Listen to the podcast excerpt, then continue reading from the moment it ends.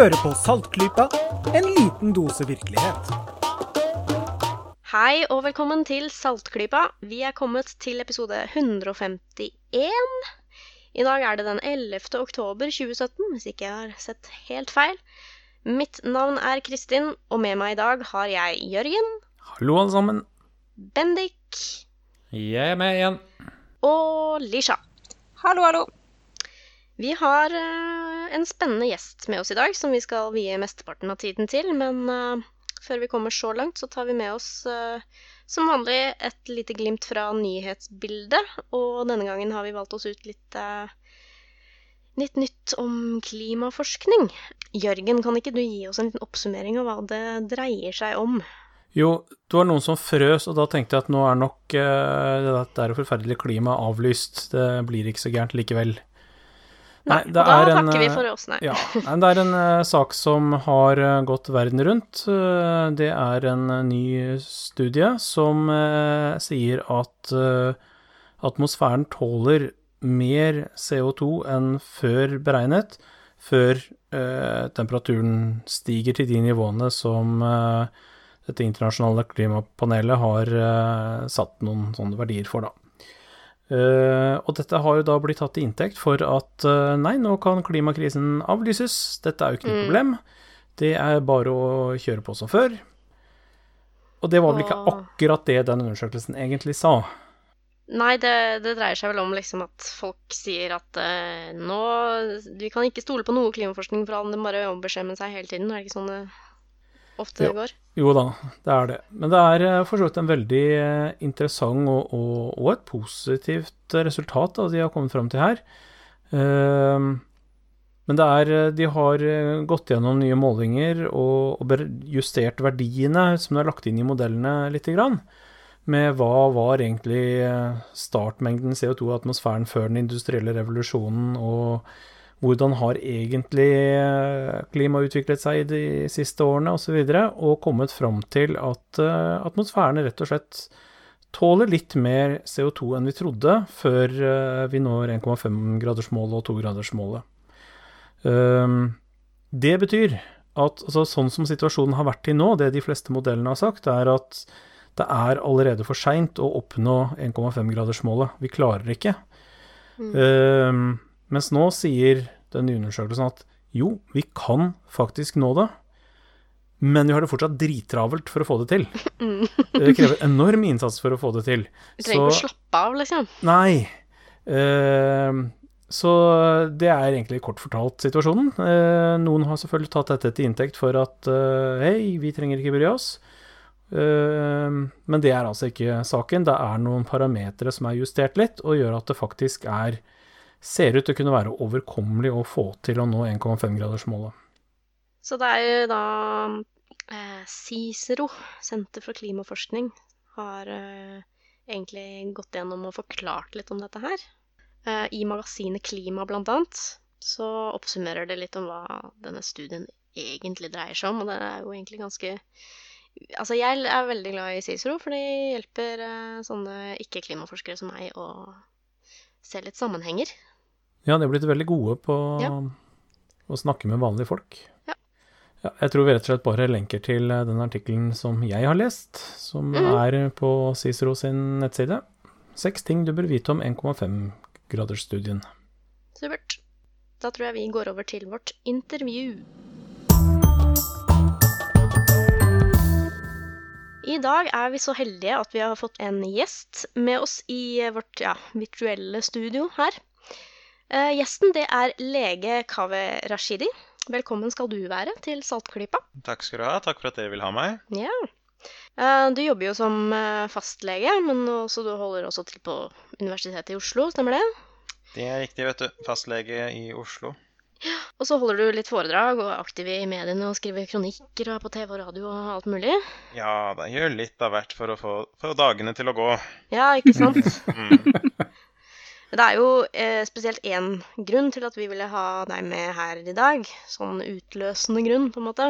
Mm. For de som ikke har fått det med seg, så offentliggjorde du på Twitter for en stund siden et brev som du hadde skrevet Ja. til en alternativ behandler. Mm. Og det er jo ikke et fanbrev, for å si det forsiktig. Eh, For dere har jo hatt en felles pasient, viser det seg. Så til å begynne med, kan du kanskje si litt om innholdet i det brevet du sendte, og ja, hva som gjorde at du ikke bare skrev det, men valgte å offentliggjøre det, da, som du gjorde?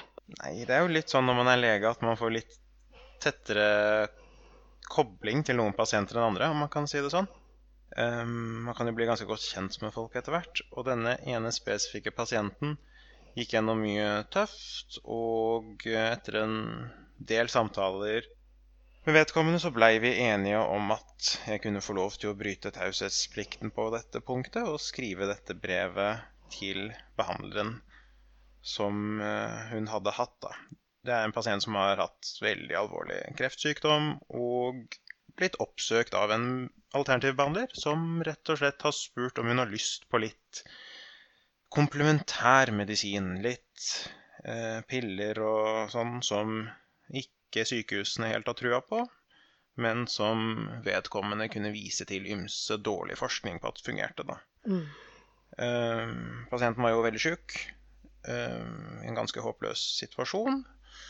Og bedre å bruke penger på lite grann håp, tenkte hun, heller enn å ta sykehusets alternativ, som sitt rett og slett var å dø en fredelig død. Eh, Det er jo ikke alle pasienter det er håp for, selv om de er unge. Ehm, Så syns jeg det er ganske så ekstremt kynisk at folk gjør dette. At man går til konsekvent søker opp mennesker med kreftsykdommer for å gi dem medisiner som jeg tror de veit ikke funker, men som de tjener seg søkkrike på. Um, så da sendte jeg en e-post. Det var egentlig helt tilfeldig at den e-posten ble til. For de som gidder å lese den, så beklager jeg alle skrivefeilene var Eh, liksom- nei, det var bare en det var bare en søndag jeg satt på sofaen, og så venta jeg på en venn vi skulle øve på jegerprøven som vi skulle ta litt seinere denne uka. Så bare skribla jeg den i full fart.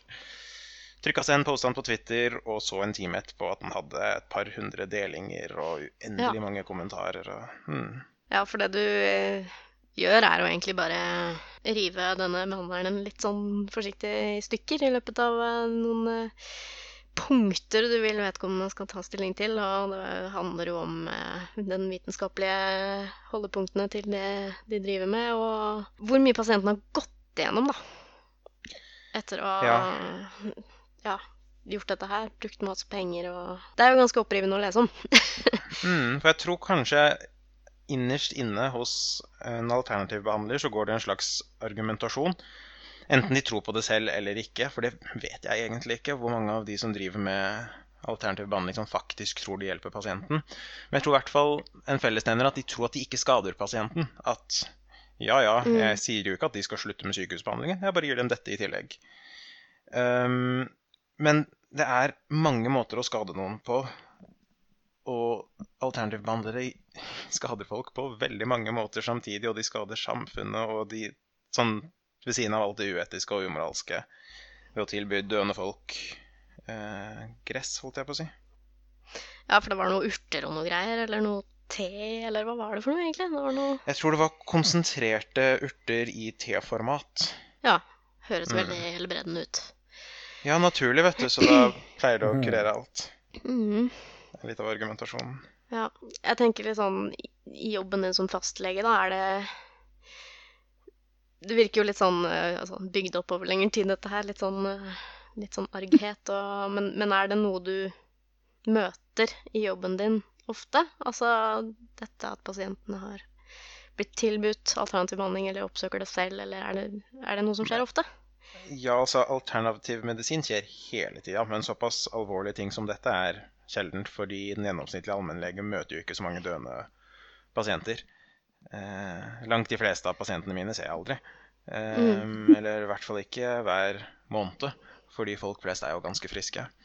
Eh, men selv når folk kommer med helt bagatellmessige ting, sånn vanlige hverdagsproblemer, søvnproblemer, smerter i korsryggen, et barn som har vondt i magen, så er det alltid et eller annet, føles det ut som. Et eller annet ikke-vitenskapelig produkt som de enten har prøvd eller hørt om eller lurer på.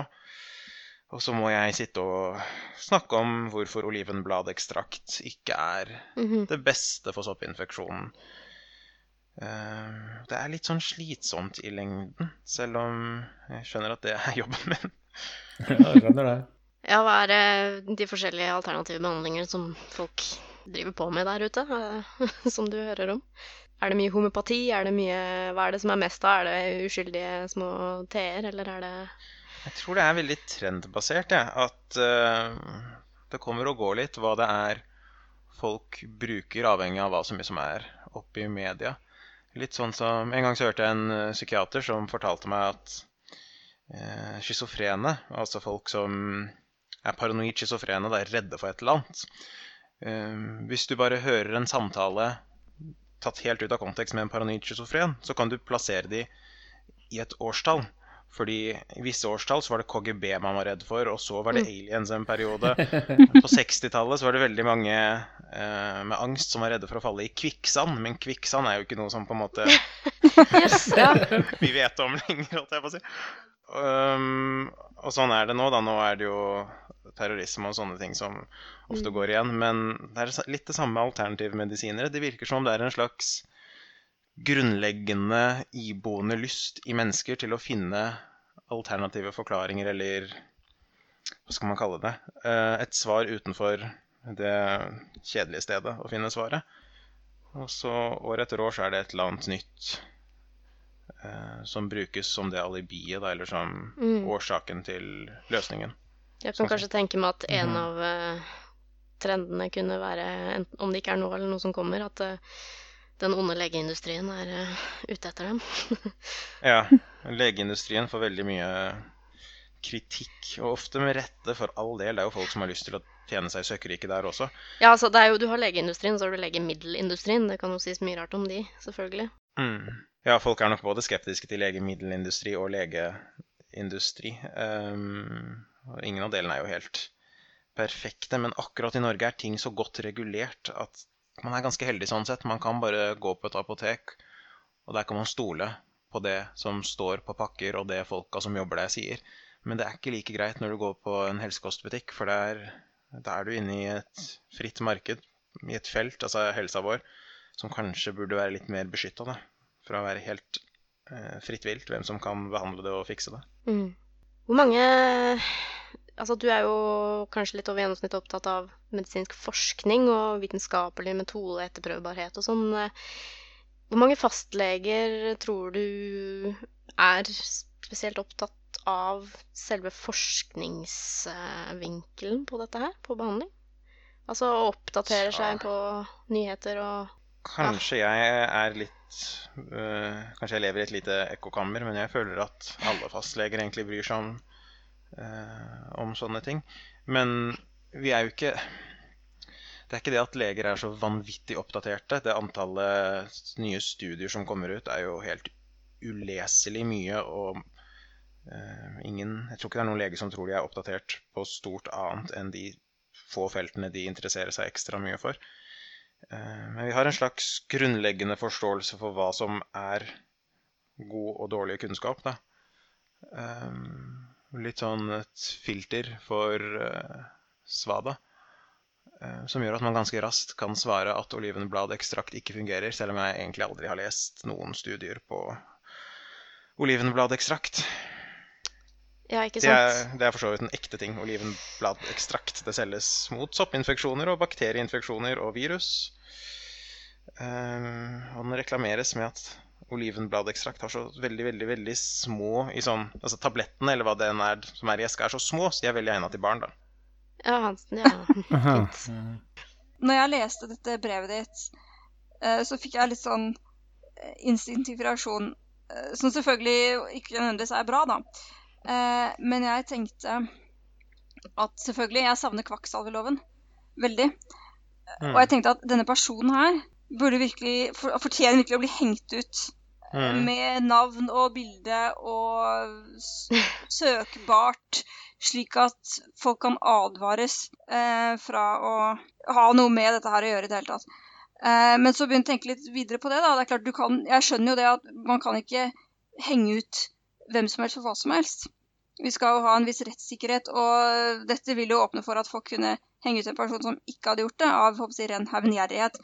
Eh, men man kunne teoretisk da se for seg noen slags database hvor hvis man f.eks. hadde fått en anmeldelse mot seg, så kunne man bli nødt til å være oppført der hvis man hadde blitt etterforsket. da, altså Hvis anmeldelsen hadde blitt tatt til følge på noe vis.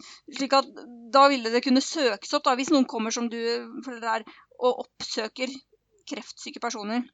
Så kunne man gå dit og søke opp.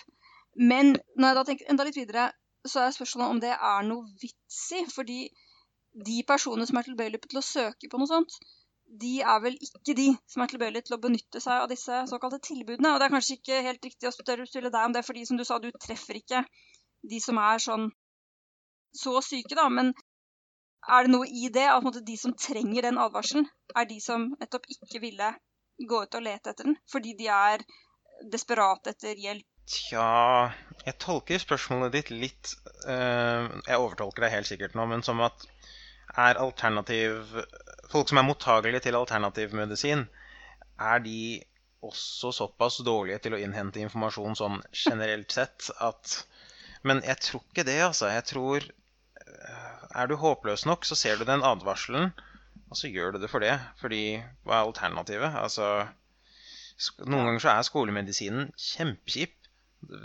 Den sier at du skal dø. Punktum. Og så kan du sitte med 2,5 millioner kroner i banken. da. Det hjelper det jo veldig lite. Eh, og jeg tenker litt Kanskje de er vettuge, de som bruker alternativ medisin i sånne tilfeller, og regner ut for seg sjøl ok, 0,0001% sjanse for at dette kurerer meg. Eh, det er jo ganske bra odds versus Altså, det er, det er uendelig mange ganger større sjanse enn 0% som man ofte får av skolemedisin under veldig dårlige forhold. da. Eh, problemet er jo at den 0,0001 også bare er helt falsk. Er ikke, den fins jo ikke noe annet Nei, sted heller. Og da har man i mellomtiden sløst bort av sine 2,5 millioner, som kanskje kunne vært en stor hjelp for de etterlatte. Familien som blir sittende igjen. Ja, og ikke minst har man kanskje Gitt at man hadde hatt et liv etter døden, hvis man kan si det sånn, og kunne sett tilbake, så hadde man kanskje ønsket å bruke tiden og energien sin på andre ting. Men hvem vet? Jeg har heldigvis aldri vært i en sånn situasjon sjøl. Kanskje det å dø med falskt håp er bedre enn å dø uten. For noen så kan sikkert det være en viss verdi, men fortsatt så trenger man jo ikke å gjøre det som den bransjen noen ganger gjør det nå. Oppsøking av døende mennesker og direkte lyving. Ja, for det, det, jeg hører liksom om det. Altså det, det er selvfølgelig det som kommer ut, da. Det, det, fæle og det negative som kommer ut. Men eh, mm. det hører jeg ofte, altså, at uh, folk som er så sjuke at, uh, at, de skal dø av det, de bare blir overøst av liksom, tilbud fra svindlere, rett og slett. Det er sikkert noen markedsfolk som kan si hvor perfekt kundegruppe de er. Altså, de har veldig mye penger, de har ikke så mye tid å bruke pengene. Og de har enormt behov for et produkt som, siden det bare er funnet på, uh, disse menneskene kan unikt tilby. Jeg skulle likt å se at liksom, eh, sykehusfolk og leger i Norge kastet seg over pasienter og sier du, du må komme til oss, så skal vi gi deg kreftbehandling. Det er jo ikke sånn det foregår. det er jo ikke sånn det bør foregå, kanskje. Nei. Konkurranseutsette behandlingen på en måte der? Uh, ja, det er skummelt å tenke på. Men det er jo ikke så langt unna hverdagen, da, hvis du tar f.eks. eldreomsorgen. Der er det jo konkurranseomsatt. Altså, kommunene velger jo gjerne hvordan de skal behandle sine eldre. Og hvis eh, et privat selskap klarer å drifte et sykehjem billigere, mer effektivt, så vinner jo de gjerne et anbud og eh, få lov til å behandle alle de eldre, da. Fordi de er billigst og best. Men samtidig, de må jo da stille med et sted hvor gamlingene kan bo, og de må jo gi dem mat og ditt og datt. De kan jo ikke bare gi dem eh, si et bokstavelig talt et luftslott. Nei, Mens enig. i alternativ behandling så kan de jo faktisk gi folk eh, litt sukker, da. Mm. Og så kreve dem 40 000 også, så, så Ja, enig. Det er ikke helt sammenlignbart. Ja. Mm.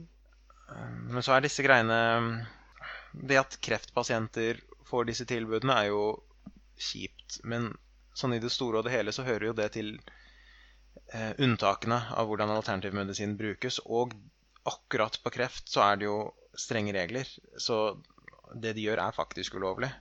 Jeg syns det er også problematisk på sånn moralsk nivå at det finnes så mye dritt i butikker som selges med lovord om at det skal gi en viss helseeffekt, som absolutt ikke gjør det. Eh, Og bare fordi det ikke per definisjon selges som medisin, så kan man få lov til å selge det. Enten det er kamillete som skal få deg til å sove, eller en eller annen, et eller annet bær som hjelper med fordøyelsen. Det er jo bare så mye tull som selges. Mm.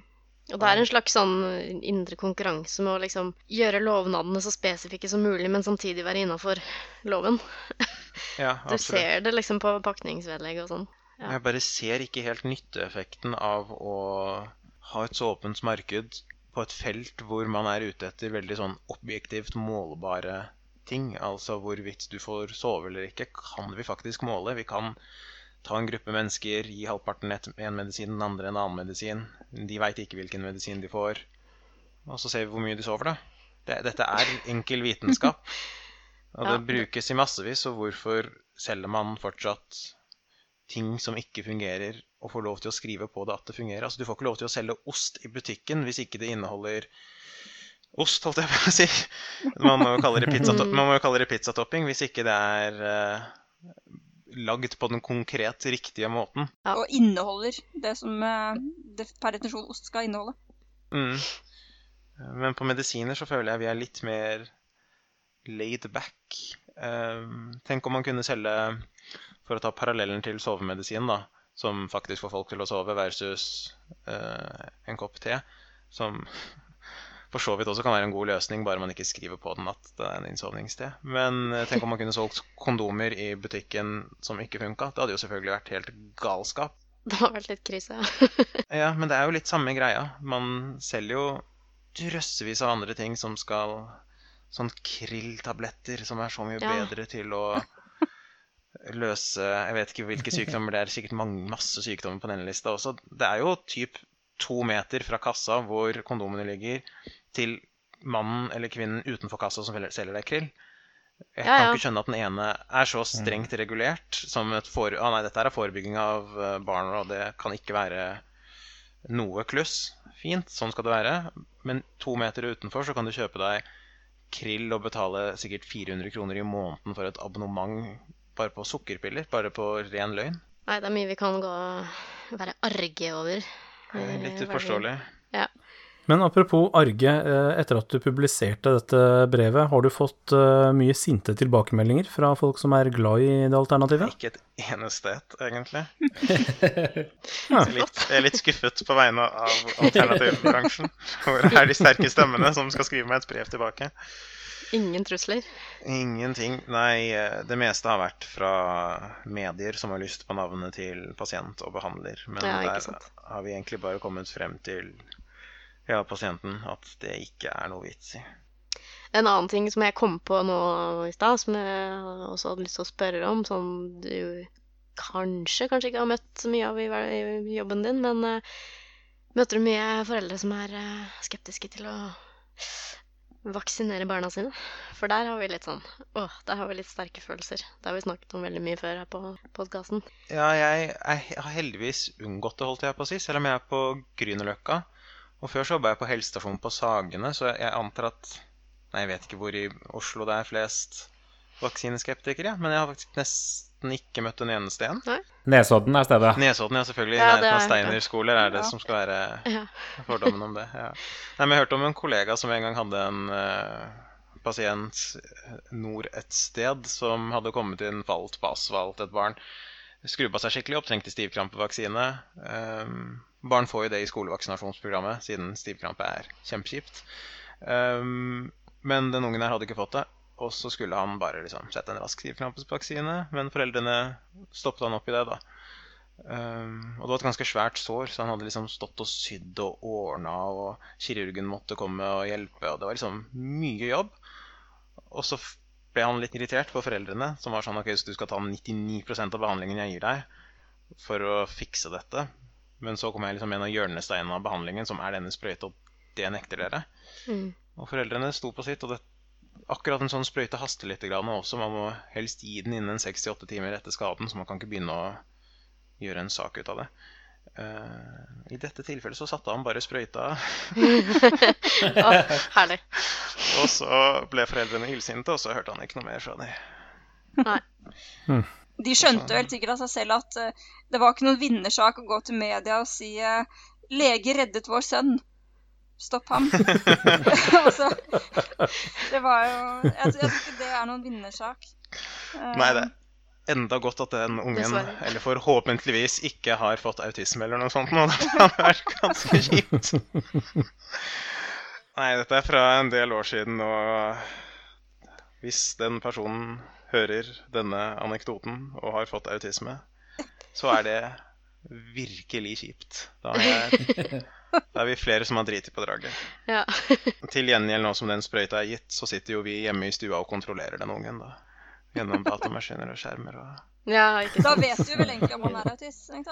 Ja, absolutt. Pluss vi kan, velge, vi kan velge hva han kan stemme på på hvert stortingsvalg. Det er også en ting sprøyter gjør. Fy søren, så kjekt. Ja. Nå avslører jeg kanskje litt sånn legehemmeligheter som ikke er sånn Ja, vi kan klippe bort det, altså. Dette Det kommer bort, bli mellom oss. Men sånn er det, da. Ja. Mm. Jeg tenkte jeg skulle avslutte det brevet som du skrev, eh, men Mm. eh, jeg tenkte å liksom For du skrev jo ti punkter eh, Mm. som eh, går litt på hva denne behandleren gjør, som er gærent og kjipt. Og jeg tenkte jeg skulle bare avslutte med punkt ni på den lista, så skriver du til denne behandleren eh, sitat Ditt arbeid gjør at helsevesenet må bruke tid på å reparere dine mange feil. Det er tid vi kunne ha brukt til å hjelpe andre syke mennesker. På denne måten skader du indirekte alle som trenger helsevesenet. Og bare for en naturlig overgang her, det er jo et annet tema du har skrevet om i mediene, eh, nemlig fastlegen og den gode samtalen, som Mm. er eh, mangelvare. Og du skrev da en kronikk i Dagbladet i september, hvor du annet snakker om det at den gjennomsnittlige norske fastlegen har ansvaret for mer enn 1100 mennesker. Det er jo for meg helt vilt å tenke på. Ikke at alle trenger behandling på en gang, selvfølgelig, men eh, hvis vi kombinerer det med at da veldig mange mennesker egentlig bare trenger tid til å snakke ordentlig, eh, Mm. så sier jo det seg selv at det blir ikke så mye tid. Det syns jeg var veldig interessant, og veldig godt å få en kronikk om det. Ja, for, for det fins et eller annet tall Altså, tallet på antallet ganger den gjennomsnittlige nordmann går til fastlegen, er mellom to og tre ganger i året. Eh, og la oss si du har en snill, si en frisk pasientgruppe, da, så har du to konsultasjoner per pasient i året. Det er 2200 konsultasjoner. Hvis du ikke jobber hver eneste dag, da, så er det rundt ti pasienter om dagen. Nei, det er ikke så fælt, faktisk. Det er jo langt flere som kommer i praksis. Um, jeg kjenner ingen fastleger som klarer å holde 1100 pasienter med ti konsultasjoner om dagen, i hvert fall. Nei, og det er kanskje noen som har flere også. Ja. Nei, for apropos, apropos den, eh, den kronikken, det er jo en av eh, de tingene som, uh, som vi liker å gi alternativbransjen litt, uh, litt ros for. Mm. Og det er jo dette her med litt hvor overarbeida din gjennomsnittlige fastlege kan være, i og med at du får ditt kvarter eller 20 minutter, og så må du ut. Og legen er jo interessert i å få deg frisk, så han eller hun bare gjør sitt beste, diagnostiserer deg, gir deg behandling, ut med deg, uh, neste. Mens vårt inntrykk i hvert fall av alternativbehandlere, de kan ta seg mye bedre tid, eh, og kan ofte bruke mye av tid til å bare prate, og, og bare la pasienten få komme med det den trenger. Men så klart, i, i det vanlige helsevesenet så, så, så er jo ikke det liksom legens jobb, for det, det har vi jo psykologer til, eh, eller andre folk som det er beregnet man skal prate med. Men, men samtidig så er jo fastlegen første person, eller første instans man alltid skal gå til. Det er jo, det er jo du som henviser videre til alle andre behandlere. Mm. Og da må du liksom gjennom hele den derre Hvis det er en person som har et problem som helst skal løses med prat, så må jo du gjennom den praten, du også. Absolutt. Mm. Og så, samtidig så har du jo f.eks. hvis de trenger å snakke med en psykolog, da, for eksempel, så er jo det en helt annen barriere i seg sjøl. Altså, sånn som jeg har skjønt det, så skal du være ganske akutt for å få en rask psykologtime eh, gjennom det offentlige her i Norge. Ja, uten tvil. I helga nå så var jeg på et 30-årslag, og så snakka jeg med en psykolog som var der. Og så sutra jeg litt, da, for hun er eh, en av disse privatpraktiserende psykologene jeg henviser til, som det er så vanskelig å få pasientene mine inn til. Eh, og så tulla hun litt og sa neste gang du har en pasient som er litt deprimert, og så veit du ikke helt, be de gå på Claes Olsson og kjøpe seg et båttau. For da kan du skrive det i henvisningen, og da har de en konkret selvmordsplan. Og da blir de prioritert. det var riktignok etter Ja, et par øl den kreative Ja, ja. løsningen kom, men det er en viss sånn eh, alvor i, i spøken. Og du må være syk nok for å få Mm. hjelp. Um, og da er det jo noen ganger litt for sent til å forebygge ting. Ja, ikke sant. Mm. Hva blir gjort med det, da? Er politikere på banen? Ja, akkurat det der er de faktisk skikkelig på banen på også. Jeg tror det er noe som heter pakkeforløp for rus og psykiatri som skal komme ut etter hvert, hvor eh, mennesket heller enn å være et menneske er en pakke. Og så går du inn i en eller annen bås og får behandling etter gitte retningslinjer fremfor etter en magefølelse eller noe litt mer diffust, som en helhetsvurdering ofte kan virke som. Så det skal visstnok hjelpe da med at enkeltmennesker ikke blir stående ute for lenge når de trenger hjelp raskt. Men om det kommer til å funke, det får vel tiden vise. Det er bra det skjer noe, i hvert fall. Mm. Ikke sant? Tenker jo litt på det med det at uh, i samfunnet så er vel jo uh, vi, Folk flest er vel fremdeles litt sånn som skiller veldig på mental helse og fysisk helse. Men det er jo en innmari glidende overgang der, er det ikke det? Jo, Det henger jo sammen, og det er liksom ikke um, Hjernen er en fysisk ting, den òg. Ja, og vi har bomma veldig historisk. Altså, det er veldig mange ting man kalte for psykiske lidelser, som nå bare er rene fysiske, organiske lidelser som man kan operere bort en klump i hjernen, og så er det borte. Og det var det man tidligere kunne kalle for psykiske lidelser. Um, og psyken vår er jo ikke en diffus eh, Det er ikke en sjel inni der, tross alt, hvis det er lov å si det. Her er det lov å si det. Det som du føler, det som du tenker, er jo signaler oppi hjernen. Det er nå ikke så mye annet spennende enn det. Så hvis du føler og tenker ting som ikke er så gode, behagelige eller for en saks skyld er skadelige, så er det vel noe oppi den hjernen som ikke er helt optimal for tida. Det er jo bare celler alt sammen, så det ligger et slags skille Et slags hva skal man si? For å ta, gå tilbake til kreftpasienten. Da. Når en kreftpasient dør, så er det veldig synd på kreftpasienten, fordi de har jo ikke valgt kreften selv, og kreften er noe som er ytre. Det er ikke en del av dem selv, og det er fint, og sånn skal det være. Men hvis en person dreper seg selv, da har man en tendens til å si at det, ja, det var jo et valg, og det var noe den personen valgte å gjøre. Men det er jo i bunn og grunn celler oppi hodet til det mennesket, atomer og molekyler, som har kommet seg litt på avveie og gitt tanker som ikke helt har vært rasjonelle, eh, som har ført til det valget og den døden, da.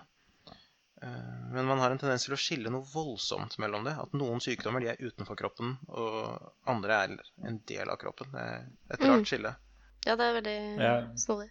Og, og i samfunnet også så har vi en, fremdeles et sånn eller Kall det stigma for, nei, for eh, psykologiske sykdommer. At det bare er jo Folk som er deprimerte, de må jo bare få seg en uh, god latter og en uh, Tur i skauen og Ja. Og en tur i skauen, så blir jo alt bra, ikke sant? Fordi det funker for meg som, som ikke er deprimert, og så bare må det jo funke for deg òg.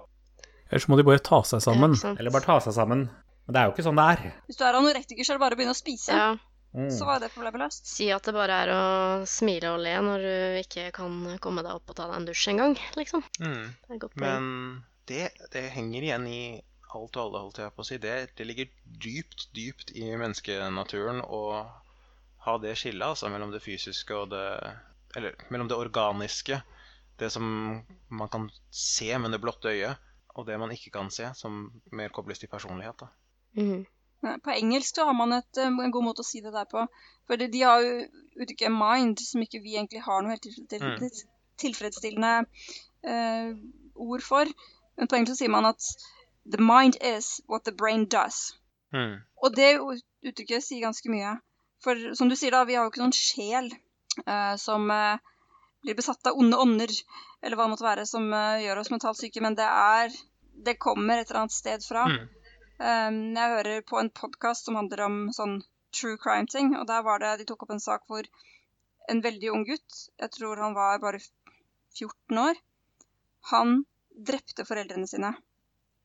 Uh, de hadde selvfølgelig skytevåpen i huset, da. Dette var i USA. Og han tok dette våpenet og gikk og skjøt dem mens de sov. Og etterpå så var han helt Han ringte selv til politiet for å si hva som hadde skjedd. Og de kom, og han var helt fortvilet. Han ble, uten at han visste det, så ble han filmet i politibilen. Han måtte sitte i politibilen en god stund mens de sikret åstedet. Og da så Han skriker og er helt fortvilt. Han skjønner nå hva han har gjort. da. Foreldrene er døde, og han skjønner at han har gjort det, men han skjønner ikke hvorfor. Hva er det som har fått ham til å gjøre dette? Og ingen kan si at det er noe At de var slemme mot ham, eh, behandlet ham dårlig, ikke sant, begikk noe overgrep eller men han ble jo da selvfølgelig til dels hengt ut som en forferdelig eh, ond person, da. For hva er det for slags barn som dreper sine egne foreldre? Men han var virkelig dypt fortvilet i et forsøk på å forstå hva som kunne ha fått ham til å gjøre dette her. En sånn plutselig impuls. Mm. Og det er klart, det er jo et veldig ekstremt tilfelle. Men igjen, han har jo ikke blitt besatt av noen ond ånd som har fått ham til å gjøre det. Så hvis du utvikler da en sånn mental sykdom, så kommer du et sted fra. Jeg tror ikke han har blitt besatt av noe ondt. Han har helt sikkert fått en stivkrampevaksine da han var liten, vet du. Ja, det Så det var jo onde legekonspirasjonen mm. som uh, programmerte det. Nei, men det er jo um, interessant hvor vi setter skillet på hva som er en handling man gjør bevisst selv, og når det er sykdommen som gjør handlingen. Når man begår selvmord, så er det jo sykdommen som begår handlingen, fordi vi antar at ethvert menneske innerst inne Eh, i en frisk periode, eller det vi kaller for normalen, eh, har lyst til å leve. Og så er det det når man begynner å drepe andre mennesker, og rettsvesenet skal bestemme om du er tilregnelig, om du var deg sjøl, mm. eller om det er sykdommen din som gjorde det. Det er ofte veldig, veldig diffuse grenser på hva som er, vi kaller sykdom, og hva vi bare kaller en kjip person. Det er vel nesten det er vel nesten tilfeldig hvem du da får som sakkyndig, og hvem, hvilke fagpersoner som undersøker deg, hva de faller ned på man så det ved Breivik-saken, så var det jo relativt forskjellige konklusjoner de sakkyndige kom frem til. Mm. Jeg bare kom på i eh, i hvert fall i USA, jeg vet ikke om det andre engelskspråklige land, og det engelske språket, så går de eh, bort fra uttrykket 'to commit suicide', fordi det impliserer at du har begått en kriminell, en kriminell handling, da. Commit uh, murder, ikke sant. Commit suicide. Så sier man heller bare at han at noen uh, He died by suicide. Så man, man, man gjør en sånn nyansering i språket. Vet, er, er, det noe som skjer i norsk samtale rundt dette her også? Eller si, um, bruker man fremdeles liksom å begå selvmord? Jeg føler den diskusjonen mer er at de som sier å ta selvmord, blir rettet på norsken. Jeg uh, skal si at de begår selvmord. Um, jeg har ikke hørt noen bruke en variant av typen mm. 'han døde ved selvmord' eller noe i den duren. Uh, jeg bare syns det var et interessant, uh, en interessant utvikling, at man snakker litt mer Litt mer ja, hva, skal jeg si Med sympati, da. Mm. Har en annen vinkling i språket. Det kan jo mange ganger hjelpe. Hjelpe på stigmatisering. Samtidig så er det jo en god juridisk grunn til at selvmord eh, er en forbrytelse, og kommer til å fortsette å være en forbrytelse. Det er jo ikke for å stigmatisere, men det er jo fordi politiet, i hvert fall i USA, så er det sånn at politiet kan ikke bare gå inn i en bolig, f.eks. Uh, de må ha skjellig grunn. Og hvis, fordi selvmord er en forbrytelse, så hvis de tror at noen er i ferd med å begå selvmord, så har de automatisk skjellig grunn, for da er de i ferd med å bli begått, en forbrytelse. Og da kan de ta seg inn uten å trenge uh, Da trenger de ikke Hva heter det på norsk? Search warrant.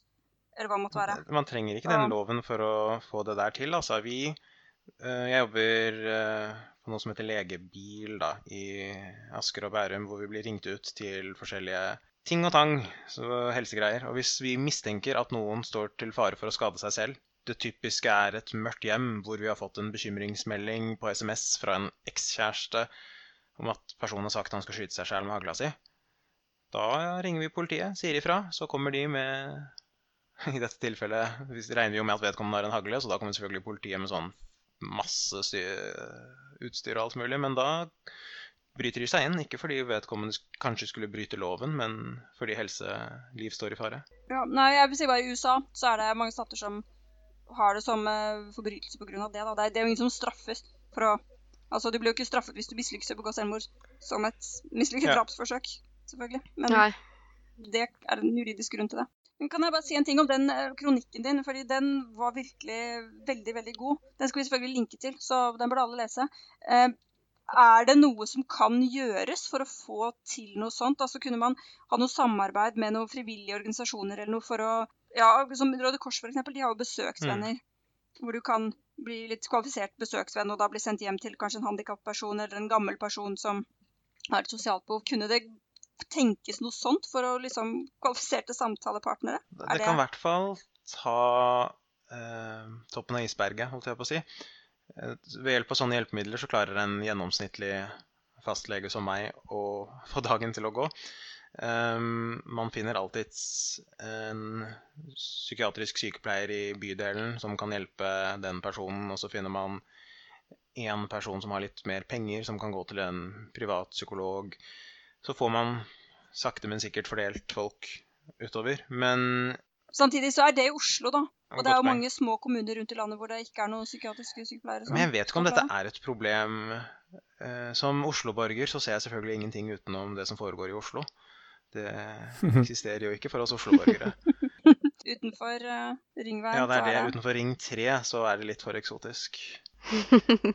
det blir Eh, mye buskas og jungel. Det er ikke sant. Nei, men det er et godt poeng. Jeg vet ikke hvordan de har det i distriktene, om de føler det samme trøkket som man gjør i byene etter Eller det samme behovet for lett psykiatribehandling, som gjerne bør bestå av samtalebehandling og ikke medisinering eller ignorering.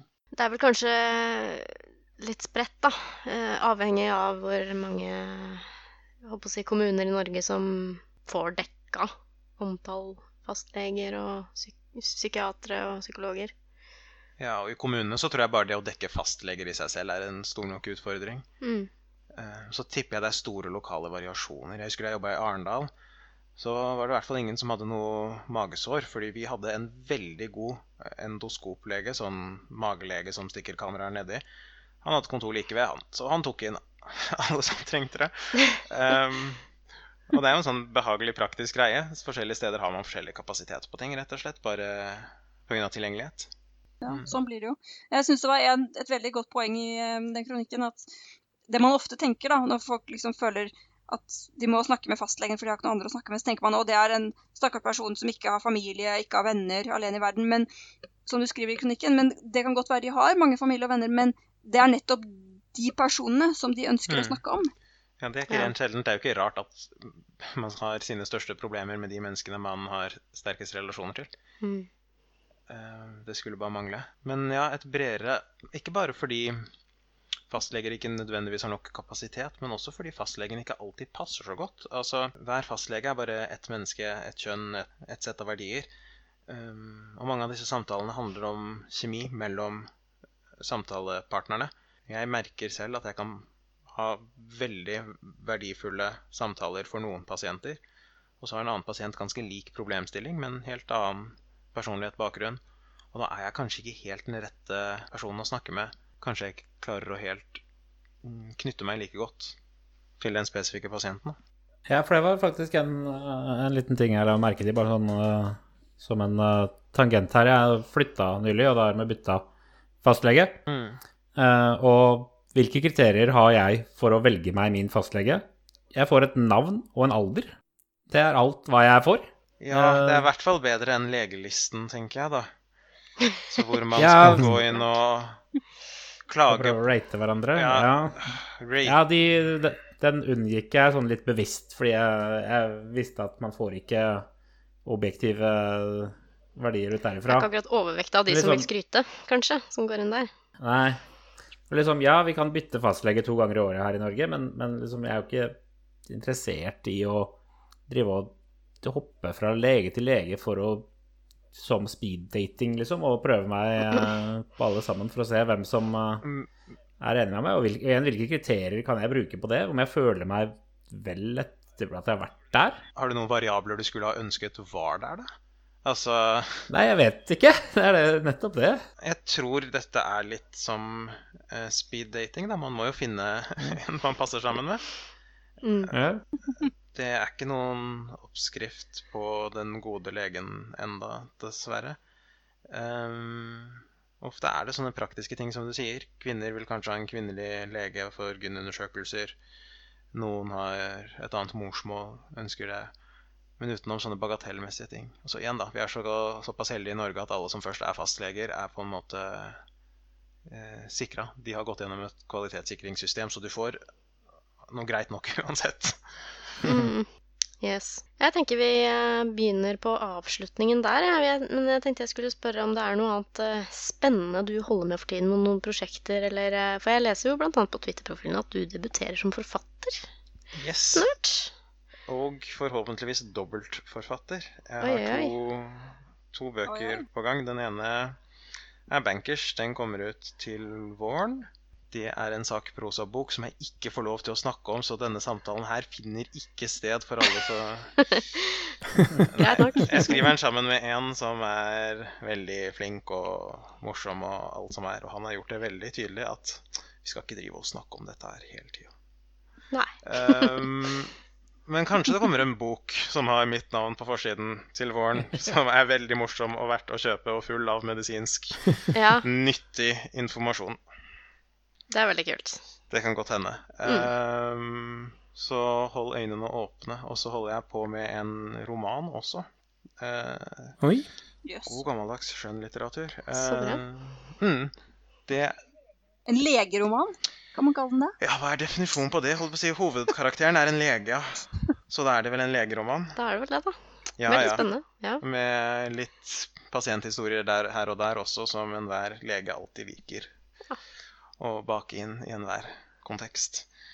Um, men det er en roman. Det handler om en hovedkarakter som går gjennom store tap i livet, og uh, hvordan det påvirker han. Um, et kort og dypt innblikk i sinnet til én person og, som blir omringet av mye død, rett og slett. Yes. Ja, nei, en skikkelig dyster roman versus den gledelige vårboka, som er mye mer morsom og positiv.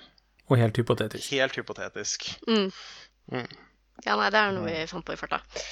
Hvis uh, de som hører på oss eh, vil følge litt med på det du gjør i hverdagen, og kanskje ikke vet det fra før, hvor er det de uh, Hvor er det det er lurt for dem å gå da? På det store internettet? Nei, hvis de ikke vil stalke meg, så er det nok Twitter som er greieste kanalen, vil jeg tro. Ja. Der kan man finne meg på at kave understreker rashidi, og det kommer ingen til å klare å stave. Så Ja, men da er det fint at vi eh, er gode på å skrive sendingsnotater. Som eh, folk kan klikke seg inn på og lese etterpå. Der står alle sånne linker og sånn. veldig greit. Ja. Hmm. ja, men så bra. Det var vel egentlig det å si, hvis ikke du har noe avslutningsvis som vi glemte å snakke om i dag. Nei, jeg tror ikke det. Nei. Mm. Da sier vi bare tusen hjertelig takk for at du vil snakke med oss. Det var veldig hyggelig å være her. Vi er kommet til veis ende i denne episoden av Saltklypa, og håper som alltid at det har vært interessant å høre på. Og husk at hvis du ønsker at vi snakker om andre interessante ting som du er opptatt av, så er det bare å si ifra. Ja, det var episode 151. Um, Ja, Ha det på badet. Det er det. Ha det så bra. Ha det, ha det. Saltklypa lages av Kristin Lisha, Jørgen og Bendik. Har du spørsmål, anbefalinger, ris eller ros, send det til post at saltklypa.no, eller finn oss på Facebook. Lenker til alt vi har snakket om i episoden finner du på saltklypa.no, hvor du også kan abonnere på podkasten for å få hver episode levert på døra helt gratis. Takk til Smart 9000 fra Evig poesi som har laget kjenningsmelodien.